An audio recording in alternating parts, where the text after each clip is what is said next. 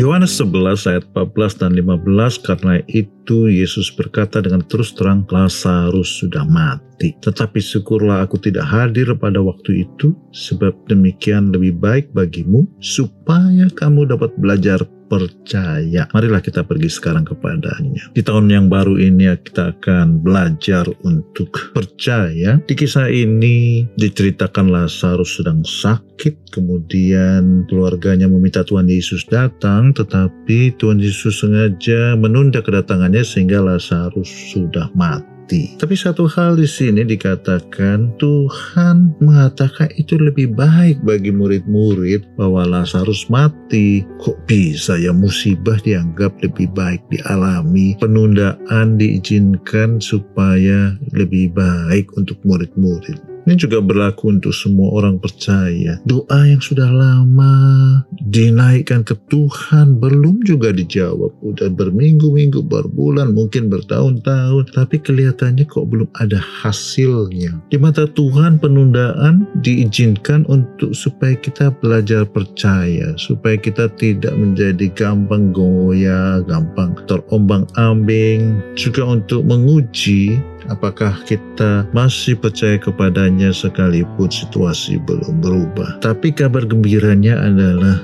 Tuhan tidak membiarkan kejadian itu membuat Maria dan Marta kecewa. Sekalipun harus tertunda dan Lazarus sudah mati empat hari, yang penting akhir cerita, end of the story, Tuhan Yesus membangkitkan Lazarus, mujizat Tuhan dinyatakan, dan semua orang melihat kemuliaan Tuhan. Hari-hari ini penundaan diizinkan Tuhan terjadi atas hidup kita, tapi jangan jual keyakinan dan kepercayaan kita. Pegang janji Tuhan dan kita akan melihat kemuliaan Tuhan.